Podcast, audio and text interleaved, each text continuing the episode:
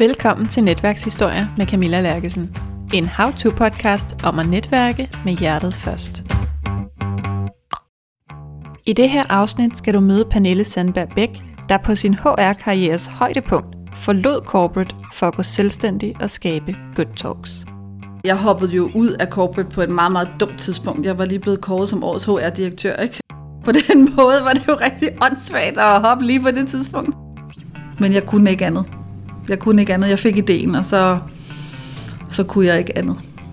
Good Talks er et digitalt karrierefremmende netværk, hvor medlemmerne spiller hinanden gode ved at tilbyde og hente hjælp fra hinanden. Vi taler om, hvorfor det er vigtigt at anerkende hinanden, hvorfor du altid skal spørge om hjælp, og hvordan du sørger for at give tilbage til dit netværk. Rigtig hjertelig velkommen, Pernille. Og tak fordi jeg må være med. Det er jeg virkelig, virkelig beæret over. Og øh, det er jo et emne, som ligger meget, meget tæt på mit hjerte. Så jeg har lige en disclaimer. Jeg kan blive sygt passioneret omkring det her, og når jeg er meget passioneret omkring noget, så kan jeg komme til at bande. Så hvis ikke du kan holde ud, at folk bander, øh, så, ja, så ved du det bare nu. Men det skal du bare øh, jeg er så glad for, at du har inviteret mig, fordi at øh, det her det ligger virkelig mit hjerte nært. Så tak for invitationen. Jamen selv tak. Og du bliver jo simpelthen åbningsafsnittet, Uh, har jeg besluttet. Okay, der bliver jeg lige helt presset, så må jeg håbe, jeg kan sige noget spændende omkring netværk, men øh, jeg, vil, jeg vil prøve. Det er jeg slet ikke i tvivl om, du godt kan. Tak skal du have. Har du lyst til måske starte med at sige lidt om dig? Ja, det, det kan jeg godt. Øh, jeg er jo sådan en, der har været, øh, været artig og været i øh, corporate øh, hele mit liv. Øhm, primært har jeg siddet med øh, HR, jeg har også siddet med noget forretningsudvikling, men jeg har primært siddet med HR, fordi at jeg synes, det er rigtig vigtigt, at vi har det godt, når vi går på arbejde. Fordi øh, dem, vi er sammen med på arbejde, dem, vi er sammen med allermest. Og hvis ikke vi har det godt, når vi er på arbejde, så øh, går vi måske hjem og råber af vores børn. Det var det, jeg gjorde. Jeg gik hjem og råbte af mine børn, når jeg havde haft en dårlig dag på arbejde. Ja. Og øh, så tænkte jeg, okay, for at skabe balance, hvordan, øh, hvordan gør man det? Så siger jeg, noget, der var rigtig oplagt, det var, at der var sgu ikke nok kvinder øh, i topledelser og bestyrelser. Så jeg tænkte, selvom jeg faktisk er ligeglad med køn, det vil jeg gerne understrege. Jeg er fuldstændig ligeglad med køn. Jeg er ligeglad med at gå ind i et boardroom, og der sidder 18 mænd, hvis halvdelen af dem har nogle kvindelige kompetencer. Then I'm fine. Men i hvert fald, så tænker jeg, at vi skal have flere kvinder i ledelse og bestyrelser. Så tror jeg, at vi får et mere balanceret arbejdsliv, og så kan vi gøre en forskel. Ja. Så med afsæt i det, så tænker jeg, godt, vi laver et netværk for alle dem, der gerne vil spille hinanden gode. Hvad vil der så ikke kunne ske? Så det er det, jeg, øh, jeg gik i gang med for to, to og et halvt års tid siden. Jeg tænkte, okay, vi skal have kvinder til at spille hinanden gode. Vi skal simpelthen have et eller andet sted, hvor vi stepper op, vi stepper ind og virkelig styrker hinanden. Og så sagde min datter på 13, så sagde hun, ah, mor, hvis du vil lave sådan noget, hvor kvinder hjælper kvinder, ved du ikke, der er den her børnetelefonen, hvad med at lave kvindetelefonen? Så sagde jeg, ej, det er en god idé så brugte jeg sådan lige en halv dag på at sidde og lave en vagtplan med de 43 kvinder, jeg vidste, der var af samme overbevisning som mig, om at vi skal støtte og hjælpe hinanden. Så jeg, ah, okay, det bliver for svært med sådan en uh, vagtplan. Så uh, jeg gik i gang med at bygge en platform, og launchede det for de her 43 kvinder i mit netværk. Og det har nu bygget sig op til, at vi er næsten 3.000, og jeg retter fra kvinder til medlemmer på den her platform, som alle har skrevet præcis, hvad de gerne vil hjælpe andre med. Fedt. Og det vil sige, at den er også enormt søgbar. Så hvis jeg skulle lave en podcast, det har jeg aldrig gjort, jeg har stor respekt for jer, der gør det. Hvis jeg skulle lave en podcast, så kunne jeg gå ind og søge på, øh, hvordan laver man en podcast. Og så ville der måske dukke fem medlemmer op, som havde sagt, at de gerne vil hjælpe andre, der gerne vil lave en podcast. Og så kunne man ringe til dem eller mail til dem. Fedt. Giver det mening? Ja, det giver så, Så meget man kan sige, hvis jeg bare lige skal tilbage til dit oprindelige spørgsmål. Good Talks er en øh, platform, hvor du kan søge hjælp og sparring for alle dem, der har stillet sig til rådighed. Så holder vi nogle øh, fysiske events, men vi er også en øh, læringsplatform. Fordi man kan sige, nu har vi sådan en, øh, en overordnet hat, og det vi siger i Good Talks, vi gør, det er, at vi giver competences and courage to lead and be human. Så på den måde vil vi jo gerne styrke øh, medlemmer, og det er primært kvinder, øh, fordi at øh, når man arbejder med at få flere kvinder i, øh, i ledelse og bestyrelser, så er der flere kvinder, der melder sig. Men vi har flere og flere mænd med. Mænd er meget, meget velkomne. Vi tror ikke, vi løser den her udfordring med diversitet ved at stå alene og skrige lidt surt i et hjørne. Så vi vil rigtig gerne øh, have mændene med. Så vi netværker online, digitalt, og vi netværker fysisk, når man må det. Ja, jeg skulle lige så sige, gør I det for tiden? Nej, det gør vi ikke. Det gør vi ikke. Øhm, og vi kunne godt, og der er jo nogle restriktioner, og man kunne godt mødes lidt. Vi har valgt at lade være. Ja. Øh, det er ikke livsnødvendigt onde. Og så gør vi det bare digitalt i stedet for. Vi har brugt hele coronatiden øh, på at udvikle en masse, masse, masse digitale produkter, som vi faktisk launcher nu øh, i øh, næste uge. Så vi øh, launcher, udover at vi er 3.000 på en platform, så launcher vi lige nogle små netværksgrupper, men under nogle forskellige emner. Det ene, øh, hvis jeg bare lige skal sige, hvad det handler om, fordi nu er det blevet mange at være sammen 3.000 digitalt, så vi laver nogle mindre grupper. Ah. Så vi laver, vi laver du, du kender de der fysiske netværk, der findes over det hele. Øh, man kan hos øh, alle mulige, hvor man mødes en gang om måneden fysisk. Det gør vi så nu bare digitalt. Også fordi, hvis vi bare sådan taler nationalt, så synes vi jo, det er sjovt at være i et netværk, hvor jeg kan spare med nogen, både fra hvad ved jeg, Randers, Ringsted eller Rønne, øh, bare for at tage det, det nationale. Mm. Så vi bygger nu nogle digitale netværk, hvor man mødes omkring nogle forskellige emner. Så det vi øh, åbner nu, det er, at vi åbner et netværk for alle dem, der arbejder med diversity and inclusion. Det er der jo rigtig mange, der gør efterhånden. Gud skal Ja. takke og lov for det. Så åbner vi et netværk øh, omkring bestyrelsesarbejdet. Så hvis man gerne vil i en bestyrelse, eller lære, hvordan man kommer i en bestyrelse, og få noget viden omkring det, så kan man mødes i et digitalt øh, netværk. Og det sidste, vi åbner nu, det handler om det nye ledelsesparadigme.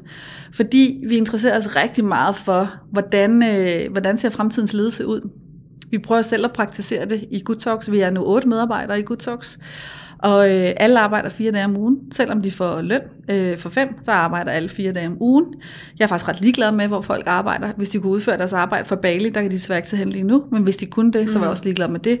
Vi prøver selv sådan lidt at praktisere det nye ledelsesparadigme, eller i hvert fald eksperimentere med, hvad det kan være. Så nu åbner vi de her mindre netværk i netværket. Øh, I foråret så åbner vi øh, netværk omkring øh, finanssektoren. Der er rigtig mange øh, udfordringer i finanssektoren med at få kvinder i ledelse. Vi åbner et netværk omkring øh, partnerledede virksomheder. Det er rigtig svært at få kvinder i advokatbranchen, revisionsbranchen, konsulentbranchen osv. osv., osv. Så for lige at summe op. Vi har et kæmpestort netværk med 3.000 øh, medlemmer, hvor man kan søge om sparring på alt muligt. Vi har mindre mere intime digitale netværk, og så mødes vi fysisk og netværker, når vi kan det. Gav det mening? Det gav så god mening. ja, det er godt. Super fedt. Og hvad er det netværk, det øh, betyder for dig? Altså jeg siger altid, og det er jo ikke mig, der har fundet på det, men jeg siger altid, my network is my net worth. Jeg er ingenting værd uden mit netværk. Så kan det godt være, at jeg har mit øh, nære netværk, som er min familie og så videre. Men jeg ved øh, 100%, at jeg har aldrig kunne bygge det, jeg har bygget nu i Good Talks, uden mit netværk. Øh, det betyder rigtig meget for mig. For mig betyder det alt. Og har det altid gjort det? Ja, Ja. Ja, det har det, og nok uden jeg vidste. Øhm, der er sindssygt mange ting, jeg er dårlig til. Der er én ting, jeg ved, jeg er god til, det er at forbinde mennesker. Jeg har sådan en eller anden mærkelig øh, krøllet hjerne, der kan huske øh, de fleste mennesker. Øh, Måske ikke med navn og ansigt, men jeg kan huske, hvad det er, de kan, og hvad det er, de måske har brug for hjælp til. Og så har jeg det med at putte folk sammen. Ja. Og det tror jeg, det har jeg bare altid gjort. Så da jeg hoppede øh, ud af corporate og havde brug for mit netværk, var der så mange fantastiske mennesker, der havde hjulpet mig til at sparke det her i gang. Jeg havde aldrig kunne bygge det, vi har bygget uden netværk. Vi har for eksempel brugt 0 kroner på marketing. Og vi har faktisk et reach nu. Når vi holder et event, så har vi et reach på op til 350.000 views på de sociale medier.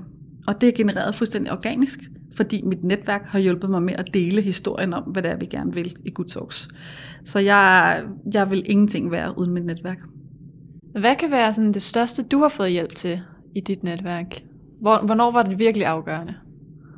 Jeg tror, jeg har fået hjælp i mit netværk øh, til jobs og alle mulige andre ting, men det har, det har været ekstremt øh, afgørende i det her.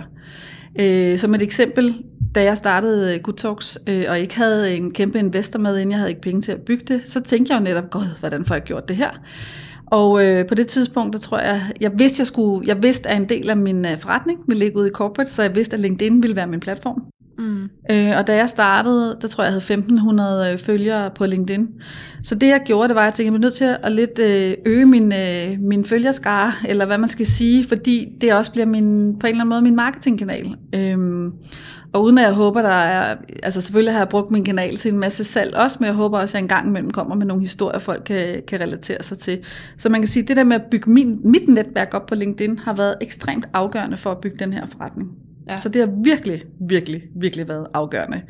Jeg har gjort det, at jeg i starten også bloggede omkring mit iværksætterliv. Det der med at hoppe fra corporate til iværksættersofaen og sidde i øh, sweatpants med The Kardashians øh, kørende i baggrunden, mens jeg prøvede at bygge den her virksomhed. Øh, det har været åben og, og dele omkring, og det handler også lidt om, at vores brand det står for sårbarhed, og det her med, at vi synes, vi skal, le, vi skal møde som rigtige mennesker. Ikke? Ja, præcis. Øhm, det jeg har gjort helt bevidst, det er at sådan prøve at, at hele tiden øh, forhøje antallet af mit netværk på LinkedIn for eksempel.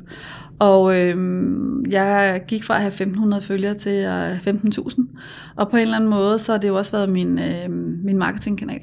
Så på den måde har mit digitale netværk betydet alt for den her forretning. Nu har vi heldigvis så mange følgere på Good Talks kanaler, så jeg kan tage det væk fra min egen personlige øh, kanal. Men det er, det er sådan her, vi har bygget Good Talks for 0 kroner. Ja, så jeg hører også lidt, at folk har jo haft lyst til at følge dig, Ja, din historie. ja. Ja, det, det, det tror jeg, de har. Altså, Ja. det tror jeg, de har. Jeg hoppede jo ud af corporate på et meget, meget dumt tidspunkt. Jeg var lige blevet kåret som årets HR-direktør, ikke? Ja. Og på den måde var det jo rigtig åndssvagt at hoppe lige på det tidspunkt. Øh, det havde nok været normalt, at jeg havde fået øh, et bedre job, en bedre stilling, end, øh, end der, hvor jeg kom fra. Men der skete bare noget i mig. Det var det, der årsagen til, at jeg hoppede. Øh, og det tror jeg, der er nogen, der har været nysgerrig på. Hvordan er det? Hvordan føles det? Øh, og det tror jeg har delt ret sådan åbent, også om alle de ting, der har været svære. Og det Ja. synes jeg faktisk også er en vigtig pointe. Det er, at man også øh, giver sit netværk de ting, når tingene er svære. Vi skal lige omkring to ting mm. I forhold til det. Mm. Både vil jeg rigtig gerne høre om det der med sårbarhed, Ja. men jeg tænker nemlig også, når jeg taler med folk om netværk. Mm. så er der rigtig mange, der har den der, hvad kan jeg byde ind? Yes, og ved du hvad, det forstår jeg godt. Og det har vi også hele tiden hos os. Og så bliver jeg simpelthen bare nødt til at understrege en gang for alle. Alle har noget at hjælpe andre med. Og jeg ved, at der er mange, der afholder sig lige netop af den der årsag, du nævner, og jeg forstår det godt. Jeg forstår det godt. Det er fordi, jeg har selv tænkt, okay, hvad kan jeg hjælpe nogle andre med, og de kan meget mere end mig, og, og de har nogle højere stillinger, og de har opnået alt muligt andet, så hvad, hvad kan de bruge mig til? Mm. Men jeg tror bare, det er rigtig vigtigt at tænke over, at alle har en eller anden erfaring, man kan bruge til noget. Så behøver man sådan, altså karrieremæssigt at være helt det samme sted? Nej, overhovedet ikke. Jeg siger sådan lidt, at øh, hos os for eksempel, vi er jo, man kan sige, hvis du gik ind på vores øh, kontor, det kan vi gøre bagefter, der sidder halvdelen er på min alder, og den anden halvdel er helt unge. Og, det er, og tit så har de unge svært ved at se, hvad de kan hjælpe os øh, ældre med, hvad man skal sige. Og jeg plejer at sige, det der er rigtig, rigtig vigtigt øh, hos os, det er, at der er alle os erfarne, men så er der dem, der ved alt det nye. Ja, Og også øh, erfarne, og for eksempel, jeg er totalt digital dinosaur. Ikke? Totalt digital dinosaur. Og hvis ikke jeg havde nogen, der vidste alt det nye, så havde jeg aldrig kunne gøre det, vi gør i dag. Så jeg, øh, jeg synes, altså jeg vil gerne opfordre alle unge til at sige, shit, jeg er født i en digital verden. Det kan jeg i hvert fald give til alle dem, der er 20 år ældre end mig. Og jeg vil også gerne opfordre alle på min alder til virkelig at tabe ind i, hvad alle de unge de kan. Altså jeg elsker at være sammen med unge mennesker. Jeg elsker at være sammen med fremtidens talent, fordi de kan så mange ting, jeg overhovedet ikke kan. Og som ung, bare spil jer ind. I kan give så meget til alle. ja. Og det var også det, der lige slog mig, da du fortalte, at folk begyndte at følge dig og din historie. Så uanset hvad vi kan og ikke kan og ved Ja. og ikke ved, så har vi jo alle sammen en historie. Alle sammen noget at give. Ja, Og det kan jo være personligt. Det behøver ikke at være et eller andet fagligt. Men alle har en historie, man kan dele, som nogen kan få noget af. Og jeg vil sige, jeg vil gerne opfordre alle til at dele mere. Altså, det, det, det får dem alle får noget ud af det. ja, præcis. Jo, og så har du også det her princip med at anerkende, Ja, at det ligger der nært. ja, Vil du ikke sige lidt mere om det? For Jo. det kan alle jo også gøre. ja. Det er meget vildt, at du har opsnappet det. Hvordan opsnappede du det? Det tror jeg, jeg læste øh, for længe siden i Alt for damerne. Nå, sjovt. Ja. Øhm, ja, men det er fordi, at jeg jo selv i virkeligheden godt kan lide anerkendelse. Ja. Altså prøv at høre, jeg kan godt lide, når folk øh, anerkender eller ser, at jeg har gjort et eller andet, øh, der har en eller anden værdi. Det er nok, øh, det er nok mig, mit eget lille sårbare indre barn, der godt mm. kan lide øh, anerkendelse. Og så kan man jo stille spørgsmålstegn, om alle ikke godt kan lide at blive anerkendt. Må ikke de fleste godt kan lide det. Jeg har i hvert fald ikke oplevet nogen, der ikke kunne lide det. Det er jo det.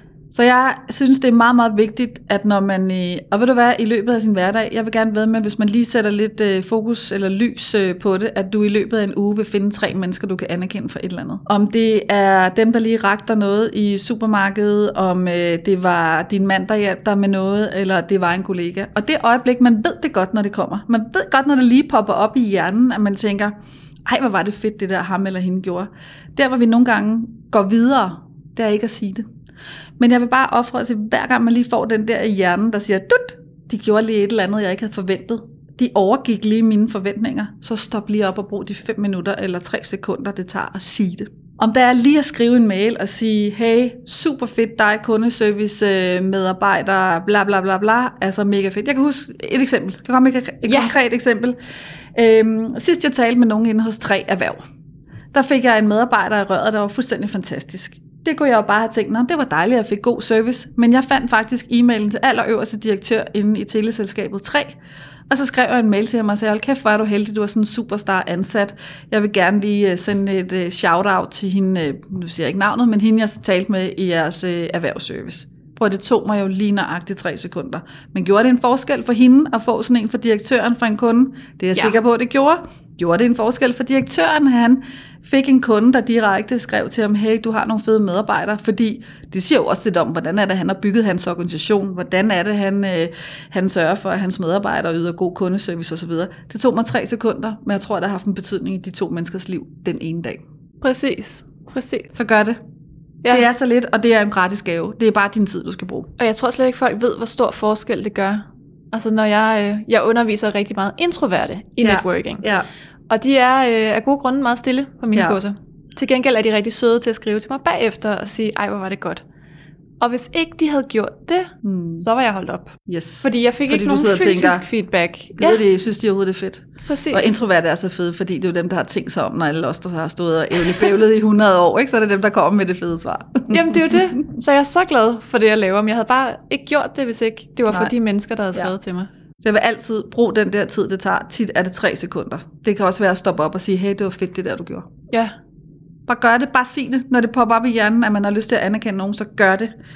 Altså, det, det er vigtigt. Gør det. Det gør en forskel i menneskers liv. Det gør det virkelig.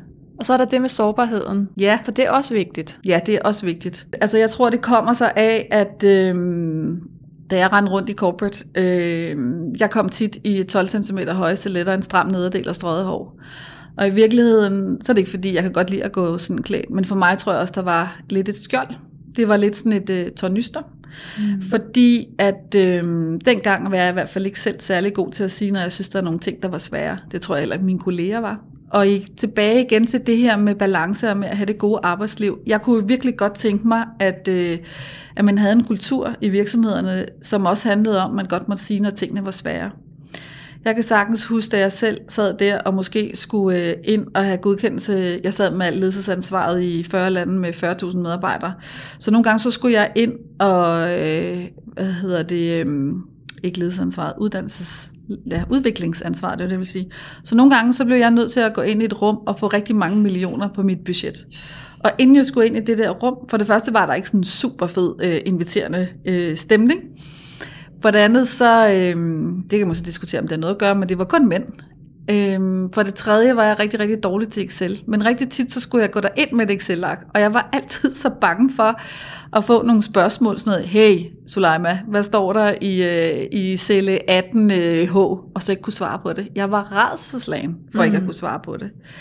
Og jeg ville have ønsket, at jeg på det tidspunkt havde modet til måske lige at sige til to af mine kolleger, hey, jeg skal ind og gøre det her. Det er jeg faktisk lidt nervøs over øh, kan vi ikke lige lege af i bestyrelsen, og nu går jeg ind i rummet og øver mig på jer, og så stiller I mig alle de der spørgsmål, jeg er bange for, at de stiller, så jeg kan finde noget ro i, hvordan jeg gør det.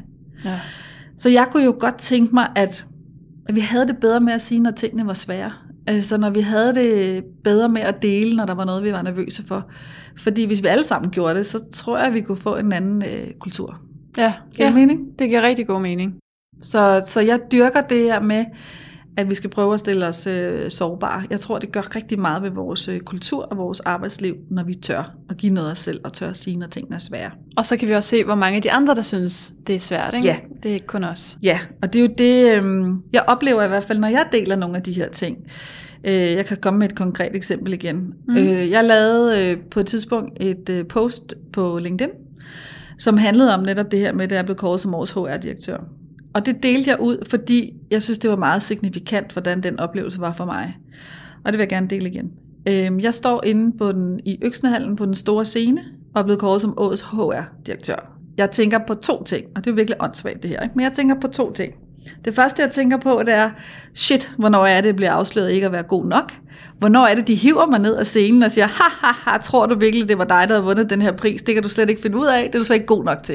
Det var det ene, jeg tænkte. Det andet, jeg tænkte, det var, at jeg havde lige fået min, øh, min nye kæreste dengang, nu min mand, og han sad nede på scenen og tog et billede opad. Så nummer to ting, jeg tænkte, det var, shit, jeg kommer til at ligne en idiot på Facebook. Og i virkeligheden er det jo helt, helt åndssvagt at stå der, måske på ja, det troede jeg måske dengang, min karrieres højdepunkt, at modtage den her pris, og stå med et kæmpe Geo Jensen-fad, sølvfad i hånden, og ikke anerkende mig selv for. Det var sgu meget godt gået.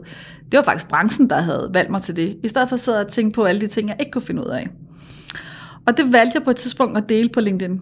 Fordi jeg tænkte, gud ved, om der er andre, der har det her. Og så har jeg jo læst lidt på det. Der er nogen, der kalder det imposter syndrome. Øh, Det er der måske nogen, af, nogen, der kender til eller ved, hvad det handler om. Det her med, at man aldrig synes, man er god nok, og alt, hvad man opnår, det er ren held. Det arbejder jeg så med. Det tror jeg, det tror jeg mange af os, der gør, der har oplevet det her. Mm. Men det var vigtigt for mig dele det, selvom det var svært at dele det. Jeg var også bange for at dele det. Jeg sad og tænkte, shit, hvor mange ser nu det her. Dem, der troede, jeg var rigtig sej, ser det. Nu bliver jeg virkelig afsløret ikke at være sej. Ja.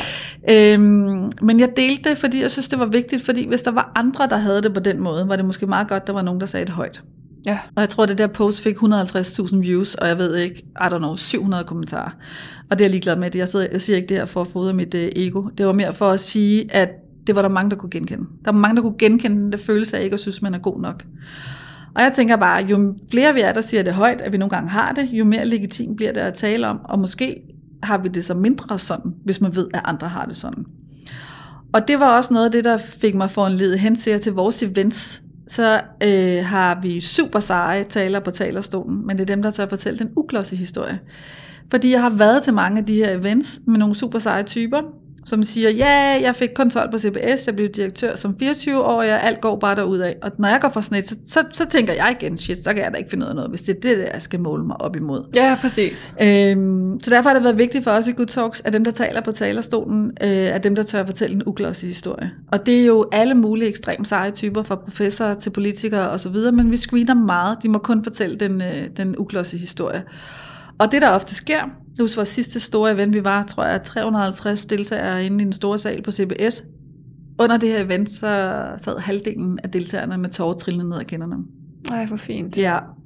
Og det er ikke et mål, at folk sidder og bliver ked af det, men folk bliver enormt rørte. Fordi mm. det der med, når man ser en sej type på scenen, der tør give noget af sig selv og fortælle om deres sårbarhed, og hvad de synes er svært, så bliver det sådan en kæmpe lettelse. Det Ja. bliver sådan lidt, nå, okay, når, øh, hvad ved jeg, Tommy Ahlers, øh, han kan stå og sige, at øh, ting nogle gange er svære for ham, så er det sgu også okay, det er lidt svært for mig.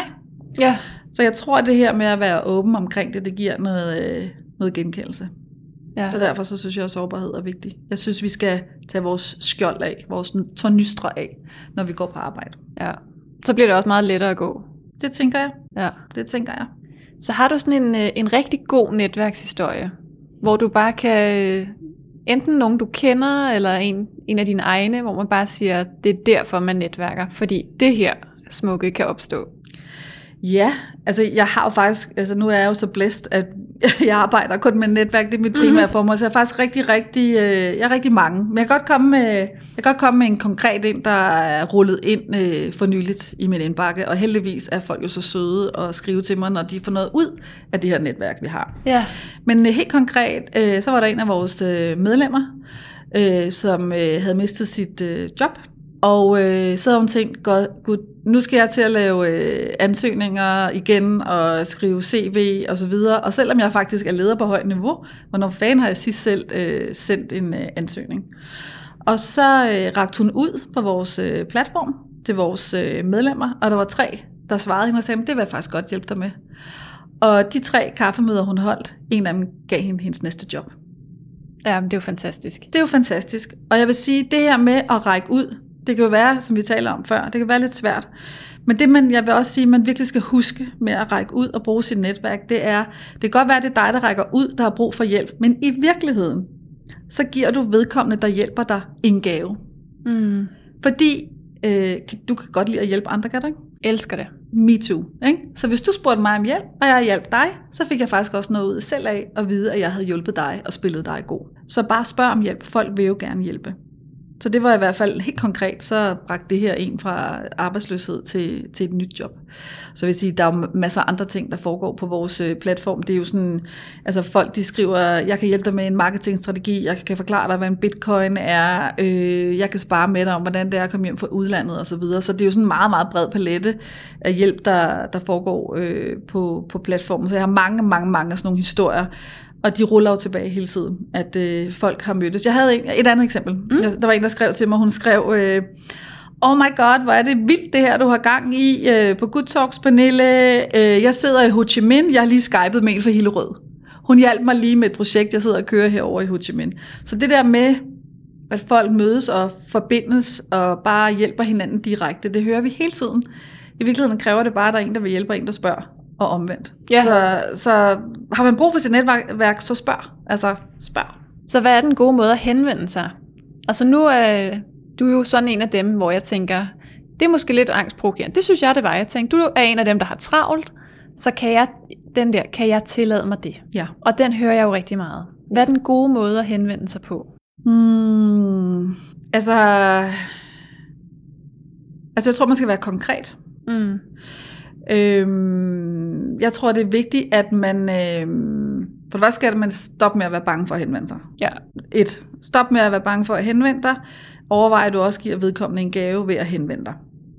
Så tror jeg, det er vigtigt at være lidt konkret. Skriv, hey, du er jo specialist på det her område. Jeg ved, at hvis du vil give en halv time af din tid til mig, så vil det virkelig gøre en stor forskel i mit liv. Altså man kan jo begynde med allerede at anerkende vedkommende, fordi de kan, og hvorfor det er, man henvender sig Mm. hos dem, man henvender sig til. Men jeg synes altid, øh, særligt hvis man henvender sig til folk, der har travlt, øh, så gør dig selv i den tjeneste at være konkret på, hvad det er, du forventer, vedkommende kan hjælpe dig med. Og så øh, i Danmark er vi ikke, øh, vi er ikke øh, så gode til at bruge smir. Nej, det er vi faktisk ikke. Det er vi ikke. Men det må man gerne. Ja. Og det er det her med at være konkret og sige, shit mand, du er jo ekspert på 1, 2 og 3. Jeg ved virkelig, du vil gøre en forskel for mig. Så det er jo igen den der anerkendelse. Man må godt smire lidt. Altså ikke på en klam måde, for man skal jo mene det. Ja. Men man må faktisk godt bruge smir lidt mere, ja. vil jeg sige. Fedt. Mm. Og hvad fik dig til at sige ja til at være med her, for eksempel? Jamen det er fordi, jeg synes, det er vigtigt, det du laver. Jeg synes, det er vigtigt, at vi taler om, hvordan vi netværker. Særligt fordi, at øh, det kan faktisk være lidt svært for kvinder at netværke. Mm. Det kan være rigtig svært at komme over den der barriere, det er at netværke. Øhm, så derfor synes jeg, det er vigtigt. Det er jo en del af min livsmission, det er, at vi bliver bedre til at netværke, hvorfor jeg jo har skabt det her netværk. Ja. Ja, jeg tror, vi er rigtig mange, der er imposterramte. Altså, Yes. jeg er det også. Fuldstændig. Ved du hvad, jeg, altså uden at være ekspert på det, men jeg vil tro, at det er øh, i hvert fald 80 procent af kvinderne i Danmark. Ja, ikke? Jo, Jo, det er også mit bud. det er de. Og det er jo derfor, det er også derfor, vi arbejder med mod i, øh, i Good Talks, fordi vi oplever jo, at vi har brug for lidt mere mod. Hvad er det modigste, du har gjort? At hoppe ud af corporate og starte fra nul. Starte det her. Ja. Uden nogen som helst øh, forudsætninger for at ane, hvordan man driver en virksomhed. Ja. Men jeg kunne ikke andet. Jeg kunne ikke andet. Jeg fik ideen, og så, så kunne jeg ikke andet. Så det tror jeg er det her. Så jeg sprunget øh, 80 cm på min pony, da jeg var tre, og henvendt sig med alle mulige andre steder. Men jeg tror, at det her, det er nok, det, det er nok, altså uden jeg vidste, det var modigt, så er det nok det modigste, jeg har gjort. Ja. Det var sådan at stoppe med at være i min almindelige karriere på min såkaldte karrieres højdepunkt. Ja. Det er også modigt. Ja, det kan jeg godt se nu. Det har heller ikke været nemt. Og det er ikke nemt. Det er skide angstprovokerende hver evig eneste dag. Det er det. Hvis du skulle give et netværkstip videre, Ja, det vil jeg rigtig gerne. Det aller, aller, aller, aller, aller vigtigste netværkstip i min bog, det er at give. Giv, giv, giv, giv, giv, giv, giv. Du skal aldrig være et netværk for at tage. Du skal være et netværk for at give. Fordi det kan godt være, at hvis jeg lige giver noget til dig, at du ikke giver mig noget direkte tilbage.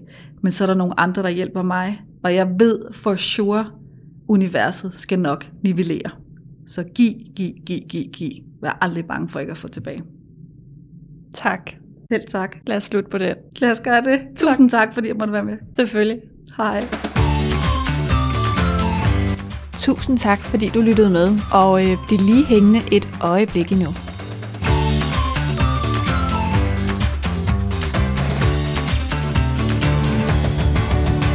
I næste afsnit skal du møde Anne Skødt, der er dansk ekspert på impostersyndromet, som Pernille og jeg har snakket om i den her podcast. Hun kalder det imposterkomplekset og har lige skrevet en bog om det samme. Personligt så tror jeg, at rigtig mange af os, vi afholder os fra at byde ind, hvor vi kan, fordi vi simpelthen ikke tror, at det er noget særligt, vi har at byde ind med. Og så er man jo lidt imposterramt. Jeg håber, du vil lytte med til næste nørdeafsnit, hvor vi dykker ned i imposterkomplekset sammen.